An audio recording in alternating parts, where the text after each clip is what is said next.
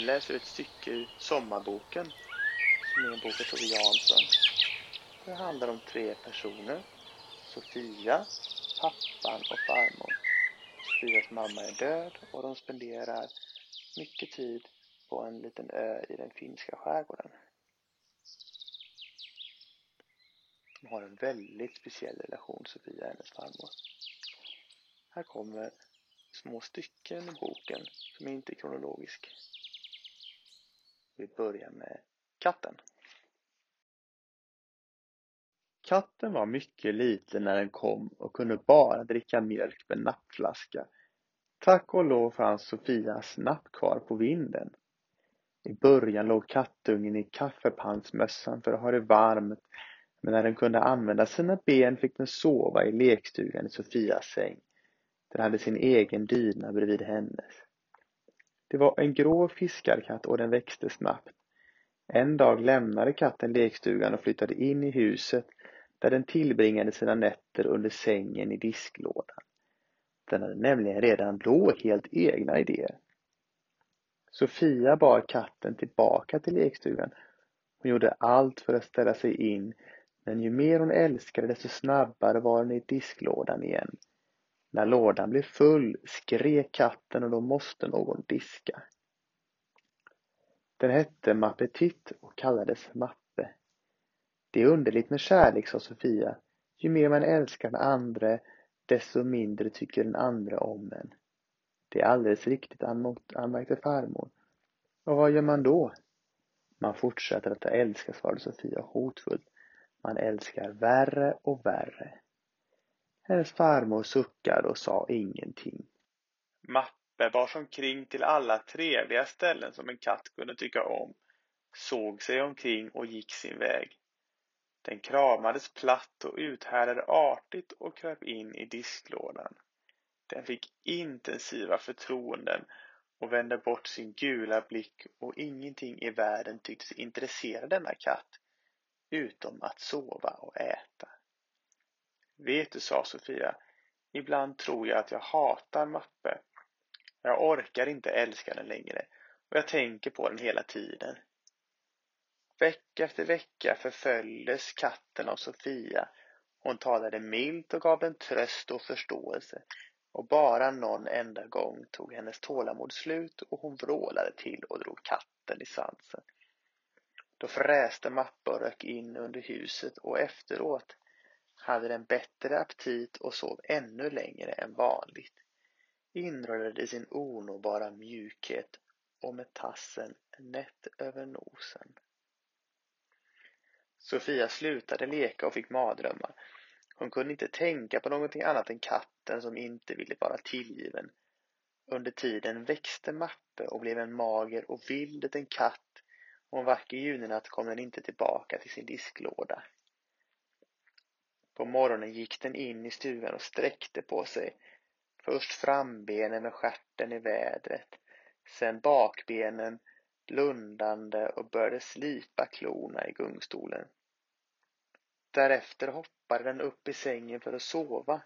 Hela katten var präglad av lugn överlägsenhet. Den har börjat jaga, tänkte farmor. Hon hade rätt.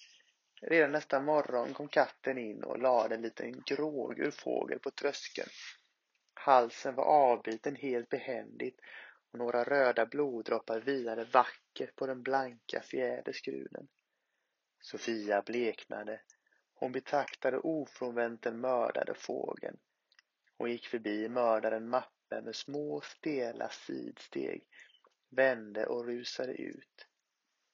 Sedan omnämnde farmor det egendomliga med att vilddjur, till exempel katter, inte kan förstå skillnaden mellan råtta och fågel. Då är det dumma, sa Sofia kort. En råtta är otäck och en fågel är trevlig. Jag tänker inte tala med Mappe på tre dagar. Och hon talade inte längre med sin katt. Varje natt gick katten ut i skogen och på morgonen slog den sitt byte och bar in det i stugan för att få beundran och varje gång kastades fågeln i havet. Lite senare stod Sofia utanför fönstret och skrek. Kan man komma in? Är liket undanstädat?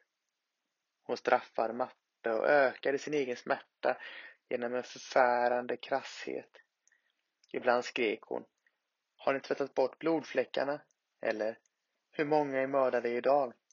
Och morgonkaffet var inte längre vad det brukade vara.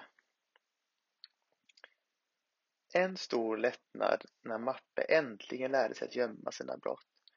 Det är en sak att se blodpölen och en helt annan sak att bara veta om den. Antagligen blev Mappe trött på allt skrik och bråk och kanske han trodde att familjen åt upp hans fåglar. En morgon när farmor tog sin första cigarett på verandan tappade hon munstycket och det rullade ner i en golvspringa. Farmor fick upp en planka och då såg hon vad Mappa hade gjort. En rad av fint avätna små fåglar. Naturligtvis visste hon att katten fortsatte att jaga och inte kunde låta bli. Men nästa gång den strök sig mot hennes ben i förbigående drog hon sig undan och viskade. Din sluge fan. Kattens matkopp med mört stod orörd vid trappan och samlade flugor. Hör du, sa Sofia. Jag önskar att Mappa aldrig hade blivit född. Eller att jag aldrig hade blivit född. Det hade varit så mycket bättre. Så ni talar fortfarande inte med varandra? frågade farmor. Inte ett ord, svarade Sofia. Jag vet inte vad jag ska göra. Om jag förlåter honom, så vad är det för roligt när han inte bryr sig om det? Och farmor hittade ingenting att säga. Mappe blev en vild katt och kom mycket sällan in i stugan. Den hade samma färg som ön, ljust grågul med randade schatteringar som berg eller solfläckar på en sandbotten. När katten smög över strandängen var dess rörelse som vindens stråk genom gräset. Den vaktade i timmar in i snåret, en orörlig silhuett två spetsiga öron mot solnedgången, plötsligt försvunna. Och något blev till, en enda gång. Den slank in under krypgranarna, genomdränkt av regn och mager som ett streck. Och den tvättade sig vällustigt när solen kom fram. Det var en absolut lycklig katt, men den delade inte med sig åt någon. Heta dagar rullade den sig på släta berget och ibland åt den gräs och kräktes upp sitt eget hår i frid och ro på katters sätt. Och vad den gjorde däremellan vet ingen. En lördag kom Övergårds på kaffe. Sofia gick ner på stranden och tittade på dess båt. Den var stor och full av kassar och jerrykannor och korgar och en av korgarna jamade en katt. Sofia lyfte på locket och katten slickade hennes hand. Den var stor och vit och hade ett brett ansikte. Katten slutade inte spinna när hon lyfte upp den och bar den i land. Jaså, du har hittat katten, sa övergårds Anna. Det är en snäll katt, men möss har den inte, så vi hade tänkt ge den till ingenjörns. Sofia satte sig i sängen med den tunga katten i sin famn. Den spann hela tiden, den var mjuk och varm och undergiven. Det ordnades helt lätt med en flaska rom som underpant på byteshandeln. Mappe fångades in och förstod inte vad det var fråga om förrän Övergårds båt var på väg mot byn. Den nya katten hette Svante. Svante åt mört och tyckte om att bli smekt. Den flyttade in i lekstugan och sov varje natt i Sofias armar och varje morgon kom den in till morgonkaffet och sov vidare i sängen närmast spisen.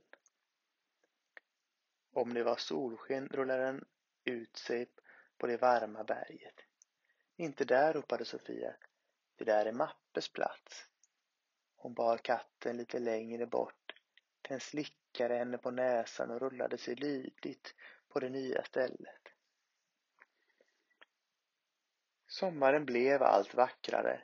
En lång följd av lugna blå sommardagar. Varje natt sov Svante med nosen mot Sofias kind. Det är underligt med mig, sa Sofia. Jag tycker det är tjatigt med vackert väder. Gör det, sa hennes farmor. Då är det precis som din farfar. Han tyckte också om storm. Men innan hon hann prata mer om farfar gick Sofia sin väg. Så småningom började det blåsa. Försiktigt någon gång på natten och på morgnarna var det en hederlig sydväst som fräste skum över hela berget. Vakna, viskade Sofia. Vakna min älskling. Det är storm. Svante spann och sträckte sina sängvarma ben åt alla håll. Lakanet var fullt av katthår. Stig upp, skrek Sofia. Det är storm. Och katten bara vände sig på sin breda mage. Då blev hon helt plötsligt alldeles förfärligt arg. Hon sparkade upp dörren och slängde ut katten i blåsten och såg den lägga öronen platta och skrek. Jaga! Gör någonting! Var som en katt. Och sen började hon gråta och sprang till gästrummet och bankade på dörren. Vad är det nu då, sa farmor.